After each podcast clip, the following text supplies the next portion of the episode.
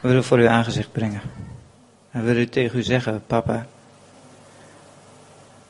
We willen als familie bij u komen en tegen u zeggen, wilt u deze zoon van u, deze broer van ons, wilt u die zegenen.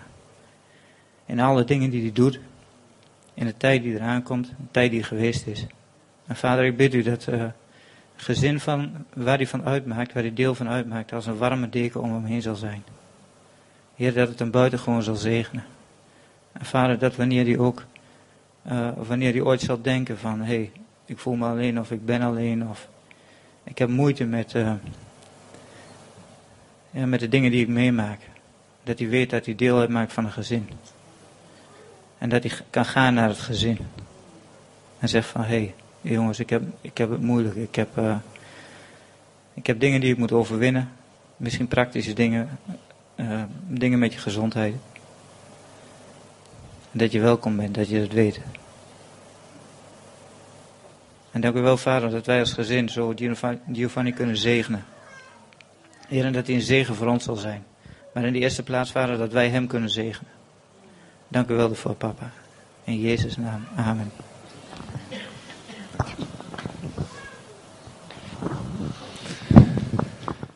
Goedemiddag allemaal.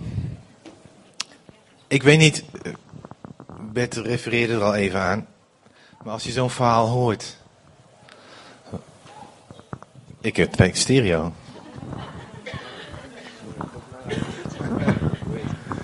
Ja, jammer.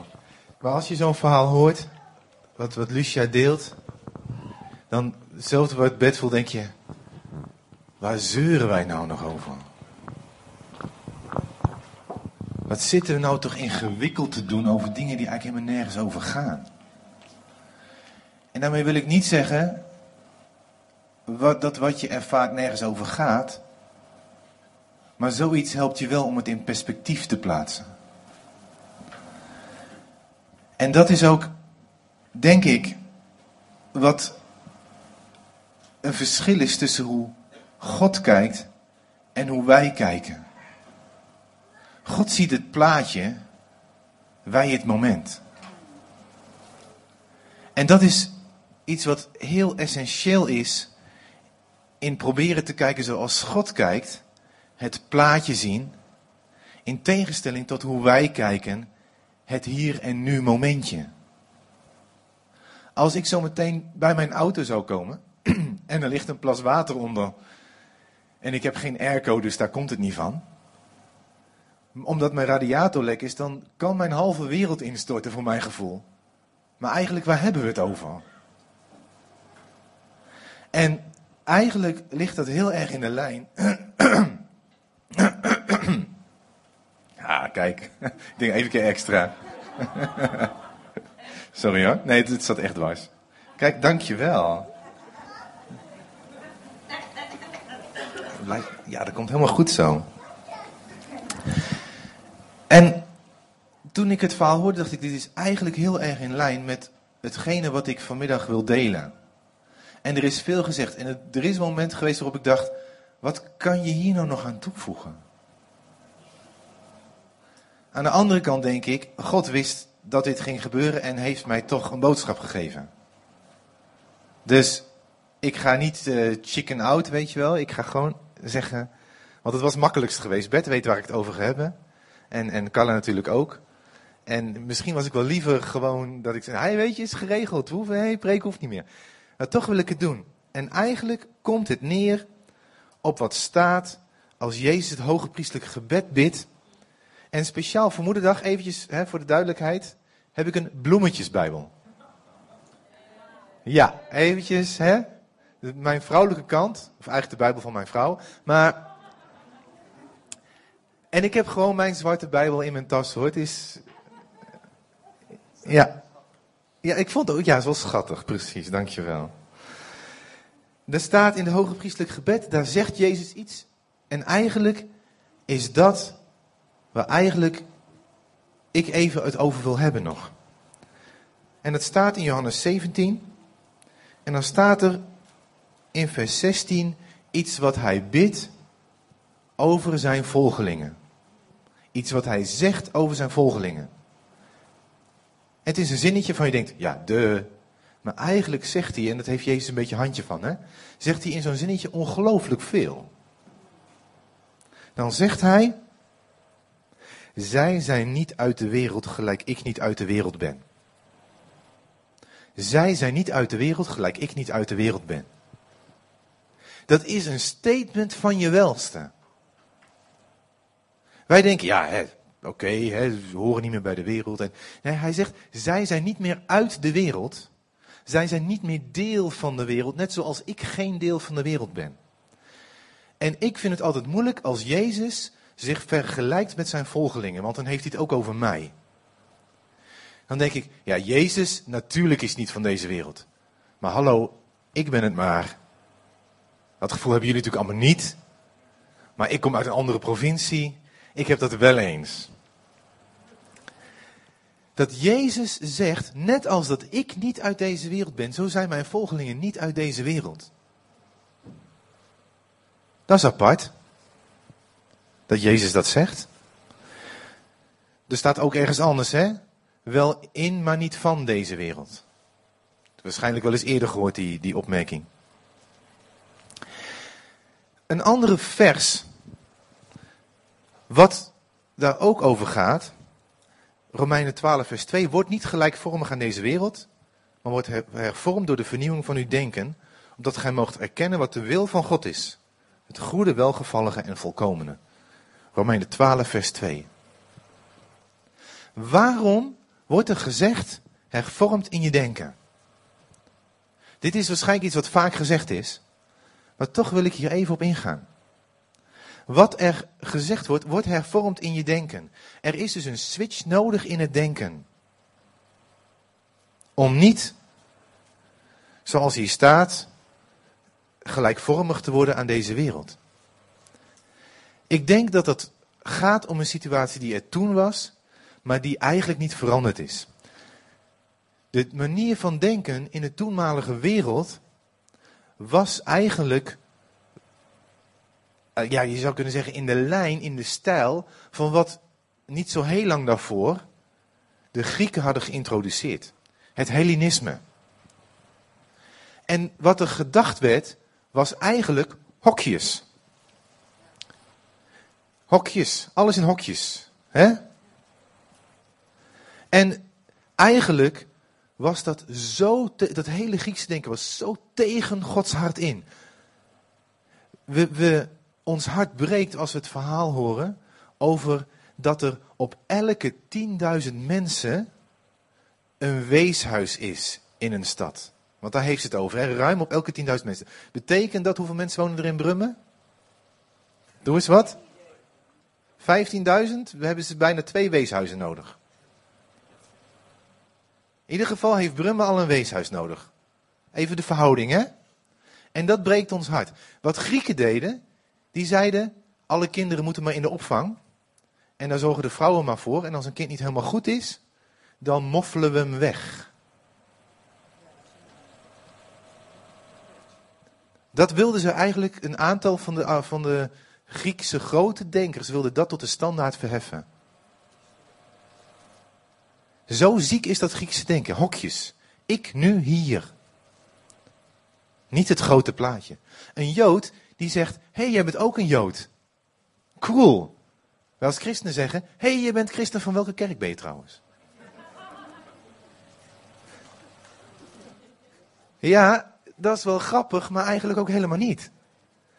Een Jood zegt: hey, jij bent Jood. Wat hebben we samen? Een christen zegt, hey, je bent christen, maar wat is ons verschil? Die Jood die denkt inclusief, wij denken exclusief. En dan staat er, wordt vernieuwd in je denken. Verander in dat denken van hokjes, van hier en nu, van momentopname, naar het denken in het grote plaatje. Denken in, er zijn kinderen die nog nooit hebben geweten wat een vader voor hen zou kunnen zijn. Laten we ze de hemelse vader eens voorstellen aan ze. Dat is het grote plaatje. Het kleine plaatje is, ik voel me niet lekker. Ik heb nu een, een, een quick fix nodig. Ik moet iets zorgen wat maakt dat ik me weer lekker voel.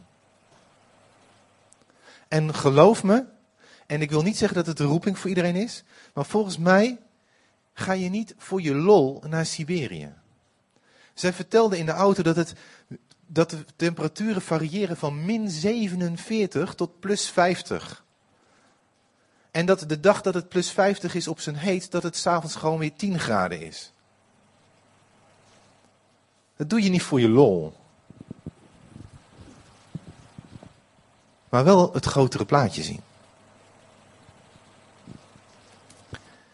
En dan is dat dus nodig, dat denken van hokje, moment, ik nu, dat te veranderen, dat Hellenisme, het lijf als het aanbidden van het lijf, dat was het Griekse. Hè?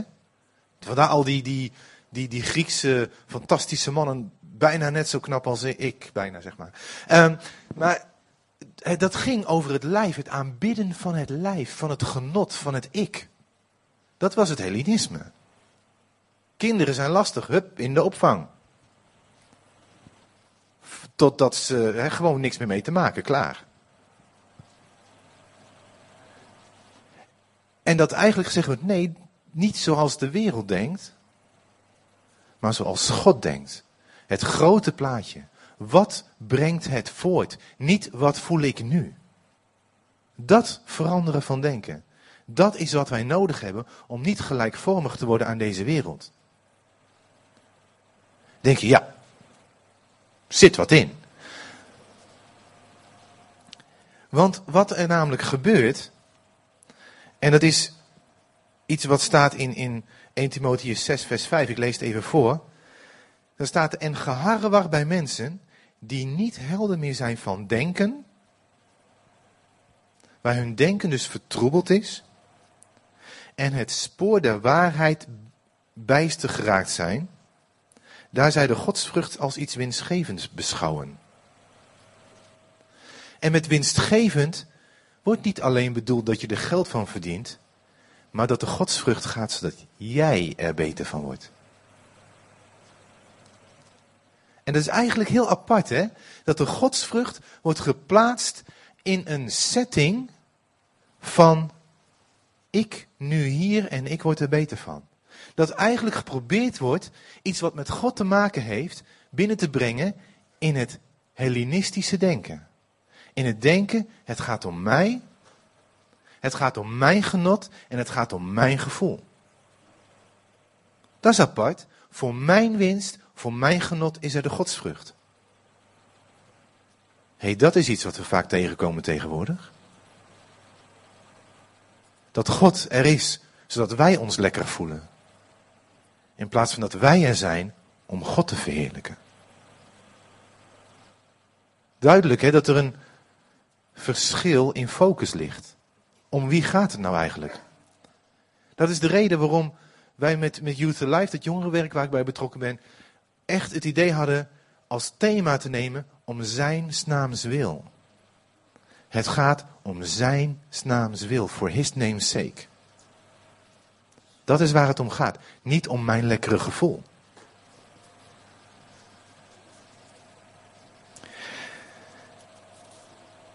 Even kijken waar ik hem heb staan.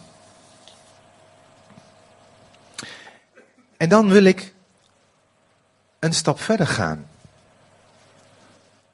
Want als dat denken is van de wereld waarvan de Bijbel zegt, wordt hervormd in uw denken, verander dat. Is het gaat om mij, het gaat om het hier, het gaat om het nu en mijn gevoel. Dat het verandert in, ik wil het grote plaatje zien. Ik wil misschien wel het, het plaatje zien van de eeuwigheid. Dat het dan ook betekent dat wij daarin niet wereldgelijkvormig worden. Lekker zo'n woord, hè? mooi voor galgje. Wereldgelijkvormig. En dan over drie keer woordwaarde leggen.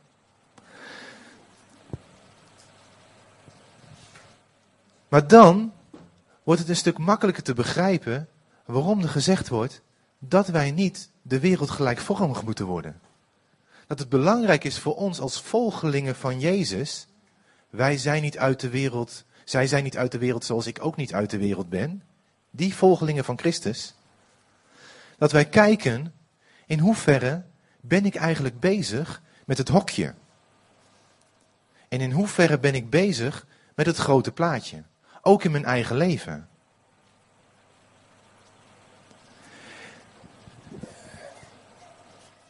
En dan is de Bijbel daar eigenlijk heel duidelijk over.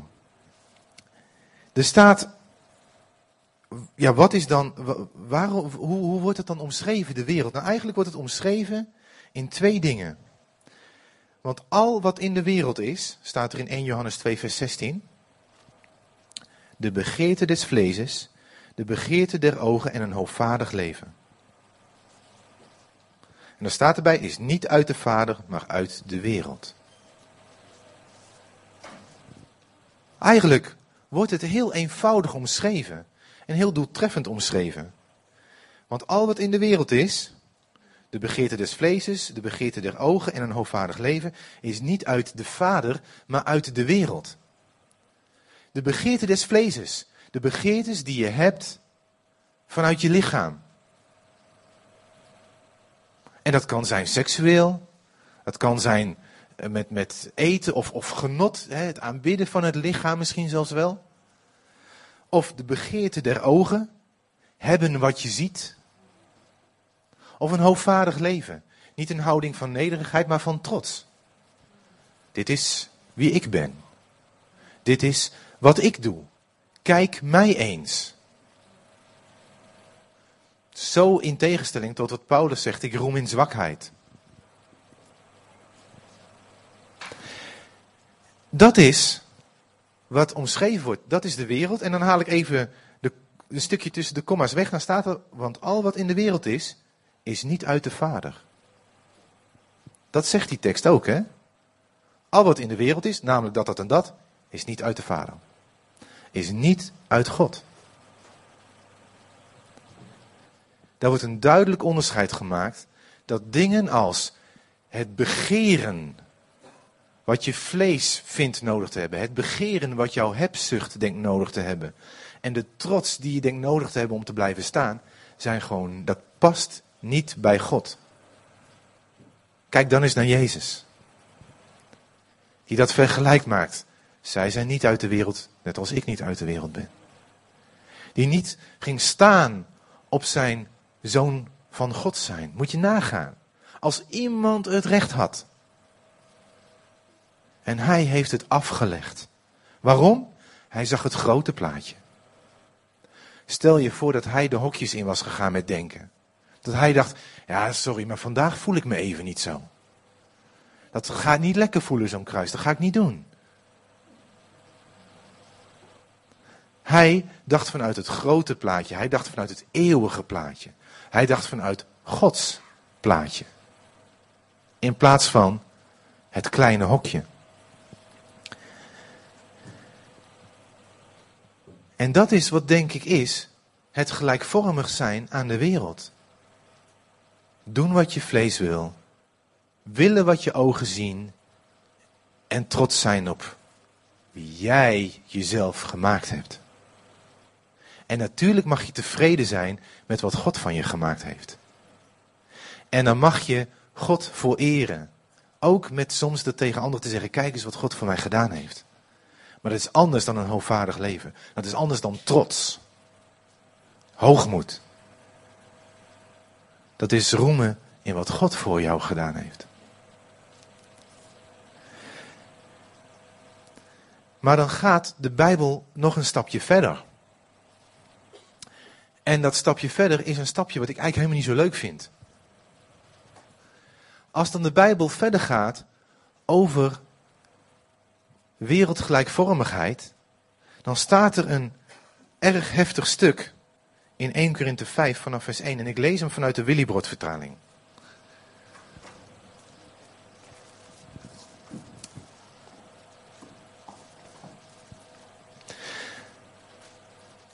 En hier wordt teruggerefereerd aan een brief die eerder geschreven is. Die brief is verloren gegaan.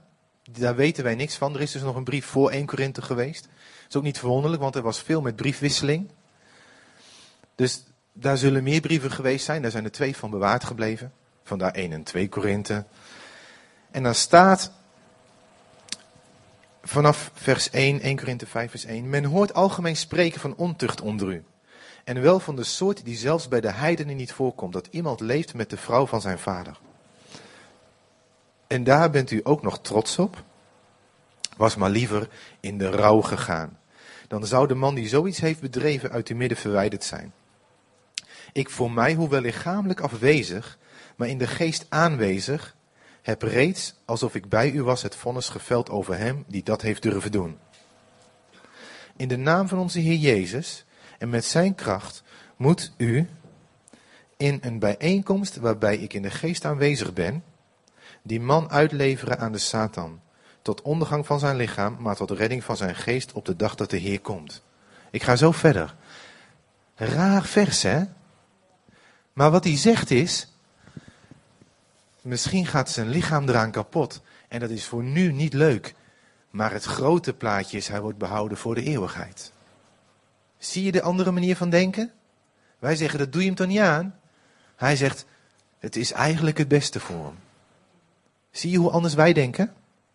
Zie je hoe ver wij eigenlijk gewoon zitten in een manier van denken die helemaal niet is de manier zoals Gods volk dat had?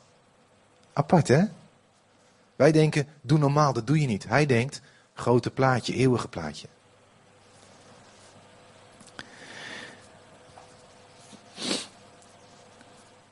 Uw zelfvoldaanheid staat u niet fraai. U weet toch dat een beetje zuurdesem genoeg is om het hele deeg zuur te maken. Doe de oude zuurdesem weg om vers deeg te worden. U moet zijn als ongezuurde broden, want ook, een ook ons paaslam is geslacht, Christus. Wij moeten ons feest vieren niet met de oude zuurdesem, de zuurdesem van slechtheid en boosheid, maar met het ongezuurde brood van reinheid en waarheid.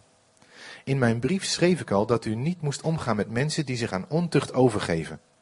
En daar ging het in de vorige brief mis. Dat had hij geschreven, dus wat dachten een aantal? Iedereen daarbuiten die dat doet, daar gaan wij niet meer mee om. Dat is wat, wat een aantal dachten. Dus hij zet dat even recht. In het volgende vers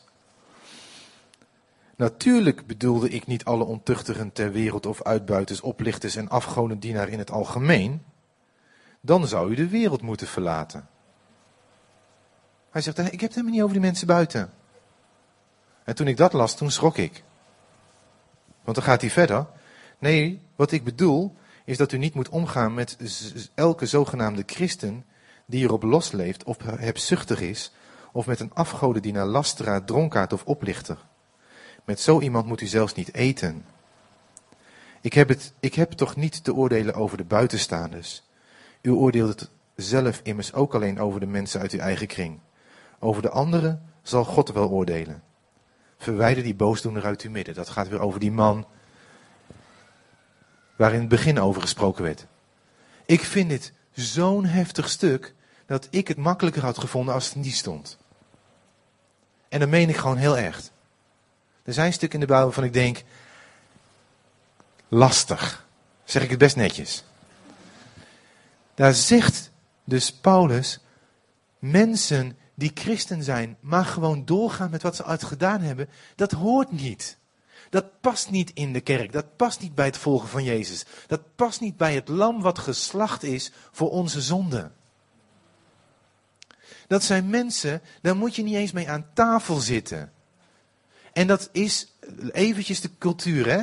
Als je vroeger met iemand aan tafel zat, zei je, dit is iemand waar ik mee voor de dag kom, hè? Dat is waar, waarom Jezus zo op zijn kop kreeg toen hij met mensen ging eten, waar andere mensen moeite mee hadden, hè? Wij hebben zoiets, ja, nou ja, dan ga je even, je, zit ook met, met pummels van zakenmensen aan de zaken die nee, we zeuren over. Nee, toen was het zo, daarmee laat je zien, wij zijn vrienden. Ik accepteer hem. En eigenlijk zegt hij, als je, je moet niet met ze eten, je moet ze niet accepteren. Want zij denken alleen maar aan het hier en nu, aan hun genot en denken niet aan wat Jezus voor hen heeft gedaan. Er staat een tekst die dat ook weer in, in dat licht wat, wat zegt. Er staat, wij hebben nu niet de geest der wereld ontvangen, maar de geest uit God, opdat wij zouden weten wat ons door God in genade geschonken is. Zodat we weten hoe groot het offer van Jezus is en dat we het aannemen. En niet daarna gewoon doorgaan met ons wereldje leventje en een stukje daarvan aan God geven. Maar dat we zeggen, nee, ik wil rein leven. Het staat niet, hè, er staat niet dat mensen die strijd daarmee hebben en die ermee worstelen, dat je daar niet mee eet. Er staat mensen die er gewoon op losleven. Mensen die zich niks aantrekken van dat Jezus vraagt dat wij niet uit de wereld zijn. Dat mensen die blijven bij, ik voel me nu niet lekker en ik ga nu iets doen wat mij snel weer een gevoel van bevrediging geeft. Want dat is wat soms gebeurt, hè? Soms dan voelen wij ons kwetsbaar. Zeker soms als ik voor God kom, dan voel ik mij zo kwetsbaar. Zo eigenlijk naakt. Dat mijn vleeselijke reactie is zo snel mogelijk iets omdoen. Iets wat mij een stukje veiligheid geeft. En dan is niet altijd het eerste wat bij me opkomt iets wat past bij God. En waarschijnlijk ben ik weer de enige, want ik kom uit die andere provincie. Maar je snapt wat ik bedoel. Soms is die, die kwetsbaarheid ook voelt onveilig. En zoek je iets wat je veiligheid geeft. Maar dat wat de wereld biedt is geen veiligheid. Is alleen maar een stuk afscherming. En met afscherming lijkt het veilig, maar dat is het helemaal niet eens. En als je dan gaat beseffen wat die genade is, dan wil je niet meer zijn. Mensen die erop losleven. Wat, wat zegt hij verder? Om, even kijken. Wat ik bedoel, u moet omgaan met zogenaamde christenen die erop losleeft, hebzuchtig is, of met een afgodendienaar, lasteraar, dronkaard of oplichter. Christenen, hè? Hebzuchtige christenen. Afgodendienaars, dus mensen die andere dingen stellen boven God. Onreinheid. Het past niet. Het hoort niet. Hoe kun je zo omgaan met de genade van God? Dat is eigenlijk wat er gezegd wordt. In dat, in het andere tekst, in, dat was 1 Korinthe 2 vers 12. Opdat wij zouden weten wat ons door God in genade geschonken is. Als we dat beseffen, het paaslam geslacht. Dan willen we niet dat er een zuurdesem in ons midden is. Of dat een zuurdesem in ons leven is. Want dat kan je in het groot zien, dat kan je in het klein zien. Dat er een zuurdesem is in ons leven, een gebied in ons leven, wat de rest aantast. Want wij denken dan weer lekker in hokjes, hè? Ja, maar dat is dat gebiedje van mijn leven en dat heeft niet effect op dat gebiedje. Ja, maar dat is het niet, het is het grote plaatje. Een beetje zuurdesem tast het hele deeg aan een kleine vosjes verpesten de hele wijngaard. Dat ene stuk in je leven waar, het, waar je het laat gaan, staat niet los van de rest van je leven. En daarom wil ik niet een, een oordeel uitspreken, maar een aanmoediging. Dat als er de gebieden zijn in je leven waar jij het niet zo nauw neemt met de dingen die God je aanraadt om te doen, om juist bij Hem te blijven, om net als Hem niet uit de, niet uit de wereld te zijn, om die serieus te nemen. En om te zeggen, Heer, wilt u mij vergeven daar waar ik gewoon de dingen heb toegelaten, waar ik eigenlijk er in kleine of grote mate op los heb geleefd. En ik eigenlijk daar de boot gemist heb en uw genade niet, niet verkwanseld heb, maar eigenlijk wel misbruikt heb. Heer, wilt u mij vergeven, wilt u mij herstellen en wilt u mij helpen om te zien waarom ik de kick zoek van tot de grens en over de grens gaan. Want dat is een vraag die ik mij stel. Waarom willen we die grens zo graag opzoeken van wat nog net mag? Wat, wat maakt dat wij de kick nodig hebben om tegen die grens aan te zitten? Ja, maar mag dan helemaal niks meer? Daar kom ik zo even op. Maar wat in jou maakt dat jij die grens opzoekt? Welk gevoel denk jij te krijgen door de grens van wat nog net kan of net niet kan op te zoeken? Bijvoorbeeld met de films die je kijkt, of de websites die je kijkt, of de dingen die je zegt, of de dingen die je begeert en de manier waarop je het begeert. Wat maakt dat de grens de kick geeft? Waarom is de heerlijkheid van de wereld op dat moment voor jou aantrekkelijker dan de heerlijkheid van God? En dat is geen oordeel, maar een vraag om bij jezelf en ik bij mezelf te raden te gaan. Wat is de associatie die ik heb met die plek vlak bij de grens en net over de grens? Waarom voelt dat? Veilig? Misschien adrenaline? Misschien dat ik mezelf kan verhogen daarmee? Misschien wel hè, dat, dat lichaam wat ik daarmee kan kietelen? Wat maakt dat? Dat is een goede vraag om jezelf te stellen. Wat maakt in mijn gedachten dat ik die grens opzoek? En dan, wat ik al zei, dan komt de vraag, ja, maar mag dan niks meer? En dan staat er een tekst in Titus 1, vers 15. Alles is rein voor de reine. Maar voor hen die besmet en onbetrouwbaar zijn, is niets rein. Dat is apart. Maar bij hen zijn zowel het denken als het geweten besmet. Dat is apart. Het denken en het geweten. Je ziet het niet helder, maar je voelt het ook niet meer scherp aan. Je geweten is afgestompt. Je geweten gaan geen alarmbellen meer rinkelen. Ken je dat gevoel? Of is, nou, andere provincie, je weet wel. Wat, wat is. Ik weet dat als ik zondig en ik laat het toe, mijn geweten afstomt. En pas als ik weer naar God toe ga en ik weer me laat reinigen door het bloed van Jezus en mijn gedachten weer laat heiligen, dat het weer terugkomt. Maar dat als ik dat niet doe, dat mijn geweten afstompt. En ik dingen doe die ik eigenlijk niet kan maken, maar er gaan geen alarmbellen rinkelen. Het geweten is besmet. Ze beleiden wel dat ze God kennen, maar met hun werken verlogenen ze Hem. Iemand zei een keertje: Je vindt niet wat je zegt. Dit vind ik echt een rottig hoor. Dit, dit, dit ga ik ook nog wel eens terug horen van iemand. Maar je vindt wat je doet. Je kan wel zeggen: Ik vind het belangrijk om bijvoorbeeld hè, goed als een goed rentmeester met mijn auto om te gaan en hem daarom te onderhouden. Maar als je het niet doet, dan vind je het dus ook niet. neem even een heel veilig voorbeeld. Je vindt niet wat je zegt, je vindt wat je doet. Als je het namelijk vindt, dan doe je het ook. Of je doet er je best voor. Want het kan ook zijn dat je ermee worstelt.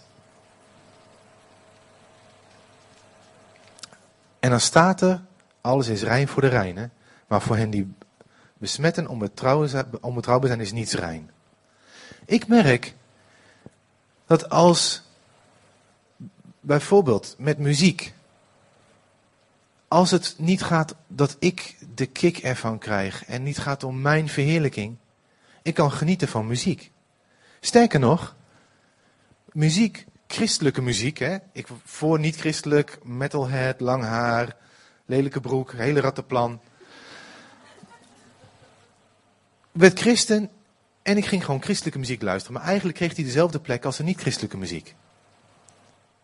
Voor mij was niets rein, zelfs christelijke muziek niet. Toen zei God tegen mij, ik wil dat je gaat vasten van muziek. Ja, dat kan. God zei echt tegen, ga vasten van muziek. Ik heb een week geen muziek geluisterd. De eerste dagen waren echt ongelooflijk stil en leeg en, en saai. En na een tijdje begon het te wennen. En toen zei ik tegen God, ik ga mijn stereo verkopen en ik ga al mijn muziek weggeven aan die. En God heeft me even laten, laten bungelen. En toen zei hij, ik heb gezien dat je het voor mij wil opgeven. Hier heb je het terug. Ik zette een LP op voor de wat jongeren onder ons, zo'n zwart ding. Met een gaatje in het midden, die kun je op een ding leggen, naaldje erop en dan komt er muziek uit. Echt waar. En ze zijn niet, eh, niet gemaakt om te scratchen. Ja, dat is niet de bedoeling daarvan. Daarmee missen ze hun doel. Ja, dat is best wel zonde van zo'n LP, ja. Ik zette een LP op en geloof me, ik heb nog nooit zo van muziek genoten. Want ik had het niet meer nodig. Ik was vrij en voor mij was iets wat eerst onrein was, was rein geworden. Want het was, ik was rein in dat gebied. Ik had het aan God kunnen geven. Is dat een vrijbrief voor alles? Nee, natuurlijk niet. En daar zegt de Bijbel genoeg over. Maar je snapt best wat ik bedoel. Als jij het aan God geeft en God zegt, daar mag je van genieten, dan is dat oké. Als de Bijbel daarmee eens is, hè?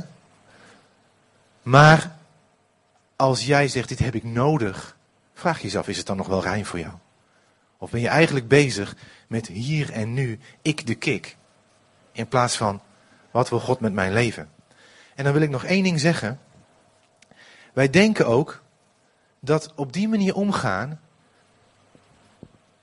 het, toelaten van onreinheid in ons leven, het toelaten van de begeerte in ons leven en hoopvaardigheid, hè, wat de wereld heeft, de manier van denken, dat het geen effect heeft op ons. En toen moest ik denken aan iets staat in een verhaal wat Jezus zegt. En dan staat er in het verhaal van de zaaier iets waarvan ik dacht, het is gewoon zo. Hij heeft het verhaal van de zaaier gedaan en dan legt hij het uit wat er staat. Hè. Dan staat er in de uitleg in Marcus 4, vers 18. En een ander deel zijn degenen die in de dorens gezaaid worden. Dit zijn zij die het woord horen. Maar de zorgen van de wereld en het bedrog van de rijkdom en de begeerte naar al het andere. Hé, hey, dat heb ik eerder gehoord. Begeerte, bedrog van rijkdom. Zorgen van de wereld. En het andere komen erbij en verstikken het woord en het wordt onvruchtbaar. Het woord draagt geen vrucht meer. Wij denken soms, weet je, ik kom er wel mee weg. Maar ik heb gezien in mooiere en minder mooie voorbeelden, de mooie in waar het andersom was en de minder mooie in waar het uitkwam, dat mensen die het vakje, het hokje van nu ik genot, in plaats van het grote plaatje nemen, dat de vrucht die zij voortbrachten, ook in hun bediening, niet. Het, het bracht geen vrucht voort, het bracht geen leven voort.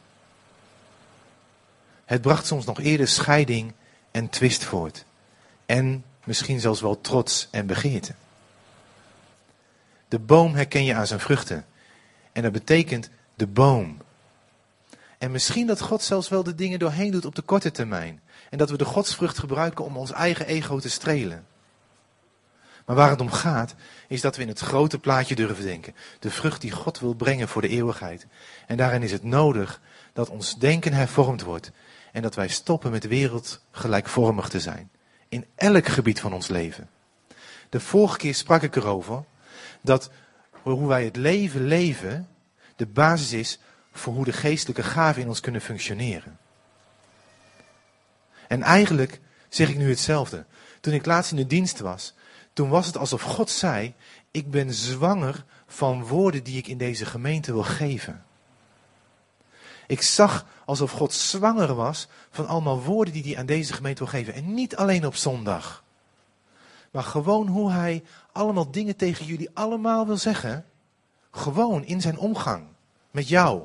Met mij. Maar dat op een of andere manier de woorden er niet konden komen. En ik denk dat dit de reden is.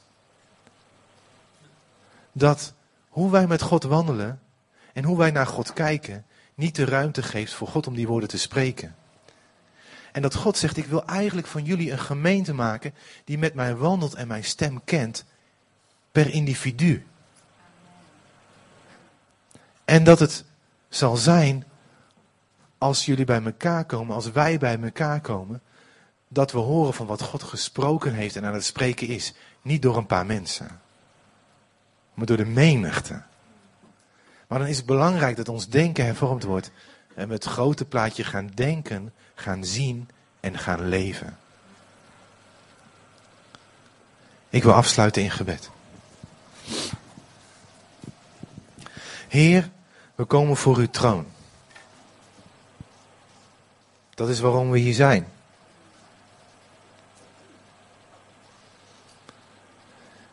Heer, en er zijn dingen die ik gezegd heb waar u ook mij mee bezig bent te leren. En ik geloof ook dat er ook andere mensen zijn waar u tot wil spreken en zegt: Wees net als mij niet van de wereld, maar laat mijn licht daar schijnen. En Heer, ik wil u vragen dat u op dit moment, maar misschien juist wel in de komende tijd, tot onze harten wil spreken. Tot onze harten wil spreken om te laten zien waar we er eigenlijk nog stiekem, of niet eens stiekem misschien wel, op losleven. In het klein, in het groot, misschien wel in het heel groot. Heer, daar waar de valkuilen zitten en waar de, de, trek, de, de, de heerlijkheid van de wereld ons voor de gek houdt, om daar de kick en de veiligheid en de bevestiging te zoeken. Heer, en dan bid ik dat u ons wil openbaren dat volheid, bevestiging, identiteit gevonden worden in uw hart. En niet in de quick fix.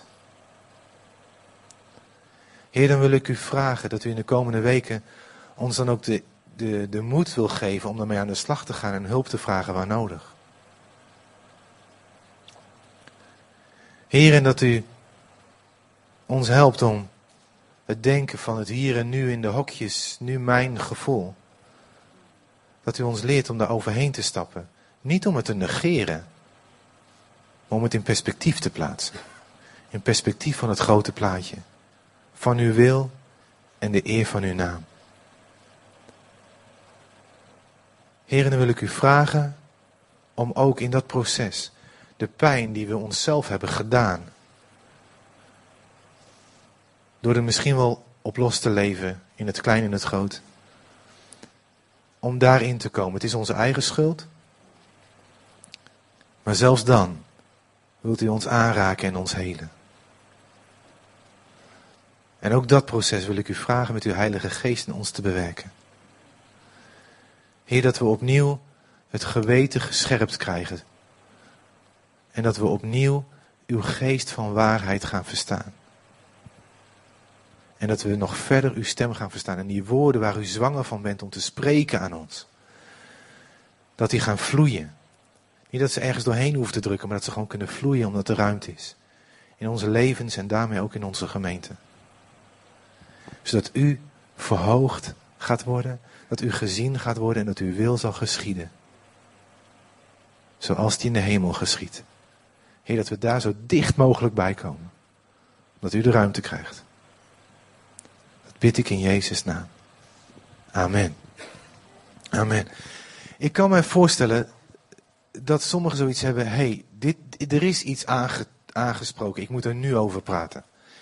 Doe dat dan. Brok in je keel, moet je iets mee doen. Dan kom je gewoon. Ik weet niet. Ik, ik denk dat het. En kom dan ook voor gebed. Doe er wat mee met wat God zegt. Ja? Dankjewel, Giovanni. Ik wil inderdaad ook aangeven dat op dit moment, als mensen zijn die voor gebed naar voren willen komen, omdat ze zich aangesproken voelen, kom dan naar voren. De muziek die wil nog wat spelen. Ook de mensen die geen christen zijn en zich aangesproken voelen, mensen die Jezus nog niet kennen, maar hierdoor hun leven wel willen geven aan de Heer Jezus, mag je naar voren komen, willen we voor je bidden. Wilt het gebedsteam naar voren komen? Ik weet dat er mensen zijn die ook voor een examen graag gebed willen hebben. Jullie mogen ook naar voren komen. Maar vooral de boodschap van Giovanni. Onderzoek jezelf en als God dingen aan het licht brengt, kom dan naar voren voor gebed. Voor de rest, ik wens jullie een hele goede zondag. God zegen. Lekker aan de koffie. En tot de volgende week.